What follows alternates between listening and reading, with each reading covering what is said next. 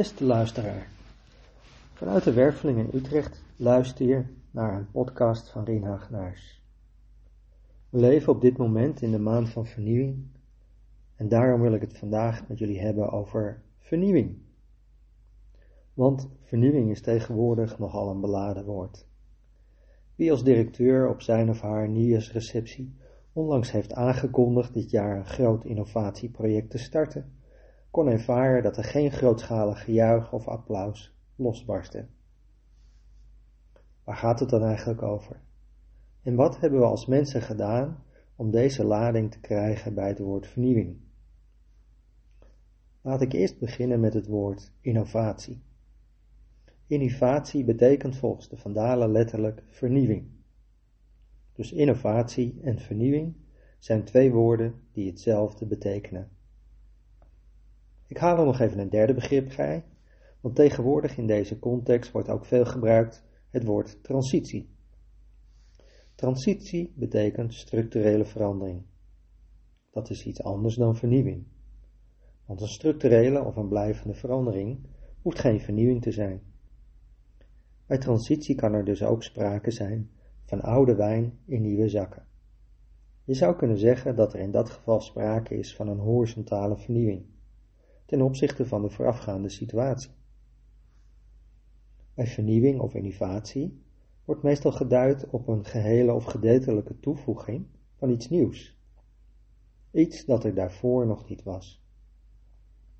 Je zou kunnen zeggen dat vernieuwing of innovatie duidt op een verticale verandering. Gemeenschappelijk in beide situaties is het woord verandering. Een oude situatie gaat over in een nieuwe situatie. Het verschil tussen beide situaties ligt hem in het al dan niet toevoegen van iets nieuws. Om tot iets nieuws te komen, heeft de mens zijn modus van creatie nodig. De laag van ons bewustzijn waarmee we in staat zijn om gedachten of ideeën op te vangen en te vertalen in iets wat er nog niet was. Een samenwerking van onder andere onze hoge modi als transmutatie, observeren en intuïtie. Het resultaat is een willywortel-ervaring. Er gaat een lampje branden en ineens weet je hoe je iets geniaals kunt realiseren. De ervaring die dat in ons lichaam teweeg brengt, geeft een blij en enthousiasmerend gevoel, een soort flow. Wanneer deze ervaring zich onder de noemer of innovatievernieuwing aandient, reageert ons menselijk systeem met vreugde en lichtheid. Je zou daarom denken dat het woord vernieuwing in onze maatschappij een overal gevoel van lichtheid, enthousiasme en blijdschap teweeg brengt. Wat maakt dan dat vernieuwing toch een beladen begrip is geworden? Laten we terugkeren naar de natuur. Want hoe kan het dat de maand van de donkerste maan in het jaar, maand in het, dat de maan van de donkerste maand in het jaar verbonden is met het begrip vernieuwing. De maan die ongeveer zijn hoogtepunt bereikt op Blue Monday. Zouden dan niet eerder de maanden van april en mei in aanmerking komen voor de titel van vernieuwing? Nou nee, het is eigenlijk precies goed zo. De natuur hanteert namelijk een iets andere invulling van het begrip vernieuwing dan wij mensen gewend zijn om te hanteren. Wanneer je kijkt naar het verloop van de seizoenen, dan zie je dat deze maand valt aan het eind van het stervensproces in het najaar. Anders gezegd, alles wat van het oude seizoen niet meer nodig was, is afgestorven. De blaadjes aan de bomen die nodig waren om de vruchten te dragen, zijn afgevallen. De insecten die hun eitjes hebben afgelegd zijn gestorven. De lammetjes van het voorjaar hebben hun beschermende laag van de geboorte afgeworpen. En het resultaat is dat alleen dat wat essentieel is, is overgebleven. Dus vanuit het perspectief van de seizoenen betekent vernieuwing dat je alles wat niet essentieel is of niet meer nodig is afwerpt, zodat enkel de kale essentie de kern van de kracht overblijft. Dus dit is de tijd van het jaar waarin je kunt zien wat de essentie is van hetgeen je in het afgelopen jaar hebt voortgebracht. De rest, al het andere, was overtollige ballast, die nodig was om op dit punt uit te komen. Het is vanuit dit punt dat een volgende nieuwe creatie kan worden voortgebracht. Een creatie die voortbouwt op de kern die je nu hebt staan. Na de maand van vernieuwing neemt de natuur even rust om de volgende stap tot zich te nemen, waarna het proces van groei het weer overneemt, om uiteindelijk weer te oogsten en weer af te sterven. De natuur kent maar één maan van vernieuwing.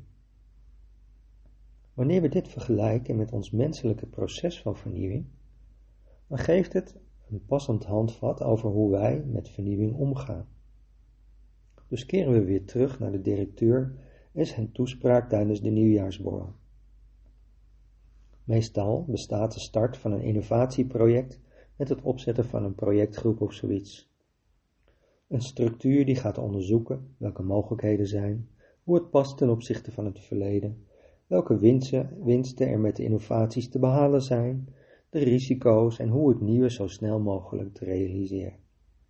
Taken worden verdeeld, budgetten toegewezen en inspiratietafels of iets anders hips wordt opgezet. De realiteit van onze werkende maatschappij is dat we, dat we dan met heel veel inspanning bezig gaan met het realiseren van deze vernieuwing. Vaak gaat die gepaard met nieuwe computersystemen en werkwijzes, om vervolgens door een poort van ingebruikname te worden geperst, met horten en stoten op gang te komen, en ondertussen wordt het volgende innovatieproject alweer gelanceerd. Wanneer Moeder Aarde dit project zou leiden, zou ze het wellicht op een andere manier vormgeven. Het project zou beginnen aan het eind van de zomer, met het oogsten bij de poort van ingebruikname. Daarna zou ze drie maanden lang bezig gaan om alles wat niet meer nodig is af te laten sterven. Dus alle oude systemen, de werkwijze, de ideeën, de functies, de structuren, de dashboards, ze sterven allemaal af. Totdat, ten tijde van de nieuwjaarsborrel, enkel nog de kern van de creatie is overgebleven. Pas op dat moment zou ze bekijken wat er nu eigenlijk tot stand is gekomen. Deze fase van sterven slaan we als mensen over. Daar hebben we onze redenen voor. Sterven doet pijn. Iets wat we goed begrepen mogen we niet meer doen. Dingen waar we trots op waren vallen weg. Het kost tijd om al die dingen op te ruimen.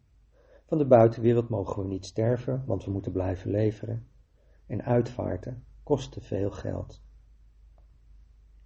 Daardoor krijgt niemand in de organisatie de gelegenheid om werkelijk de essentie te zien van wat ze hebben gecreëerd. Er kan geen volgende stap worden gezet in de ontwikkeling van deze creatie. Eigenlijk kunnen we helemaal niet zo goed zien wat onze innovatie nu werkelijk is geweest. En ondertussen start het volgende innovatieproces bij de oliebollen alweer. Logisch dat een directeur niet juichend op de schouders wordt genomen en door de zaal gedragen. De aangename sensatie van het innovatieve proces is al lang vergeten. En de eindeloze reeks van niet afgesloten innovatieve creaties heeft inmiddels geleid tot een boom die volhangt met oude en nieuwe blaadjes, verrotte vruchten en halfdode takken die nog in de boom zitten. Niemand snapt er nog iets van. Maar omdat onze organisaties nog zijn gebouwd op de regels van de vierde dimensie, denken, macht, controle, gaan we door op eenzelfde koers. Want als het denken nu één ding niet kan hanteren, dan is het wel de dood. Het houdt hier echter nog niet op. Eigenlijk beschrijft dit verhaal de cultuur van de jaren 2005 tot 2015. Want vanuit deze situatie hebben we iets bedacht om toch door te kunnen gaan met het vernieuwen. En dat is het begin van de transitiefase. Wat was het woord ook alweer? Een blijvende structurele verandering. Door de chaos in de boom is het vrijwel onmogelijk geworden om tot een heldere of zuivere voortgaande innovatie te komen. Maar innovatie is inmiddels een bedrijfstak geworden. De innovatiekaravaan moet door, waardoor innovatie steeds meer verandert van een verticale verandering, een verandering waar iets nieuws wordt toegevoegd, in een horizontale verandering, oude wijn in nieuwe zakken. Innovatieprocessen worden steeds meer oude wijn in nieuwe zakken processen. Dus dekt de naam innovatieprocessen de lading niet meer. Transitieprocessen geven nu beter weer waar het om draait. De veranderingsbedrijfstak dwingt zichzelf af. De modus van het denken drijft de verandering voort. Het verlichte gevoel van verticale innovatie is uit de beleving verdwenen. Wij zijn van een innovatieve verlichting geschoven naar een transitie verdichting. Het is eindresultaat dat het woord vernieuwing bij veel mensen een zucht van vermoeidheid teweeg brengt. We hebben last van innovatievermoeidheid. Heel lang geleden spraken we dan ook wel van de wintervermoeidheid. Wanneer je dit onderwerp interessant vindt en meer over wilt weten, of hoe je wilt weten hoe je innovatie vanuit 5D-bewustzijn inzet, bezoek dan eens de Werveling of onze website. We vertellen je er graag meer over. Ik dank je voor je aandacht en graag tot onze volgende podcast.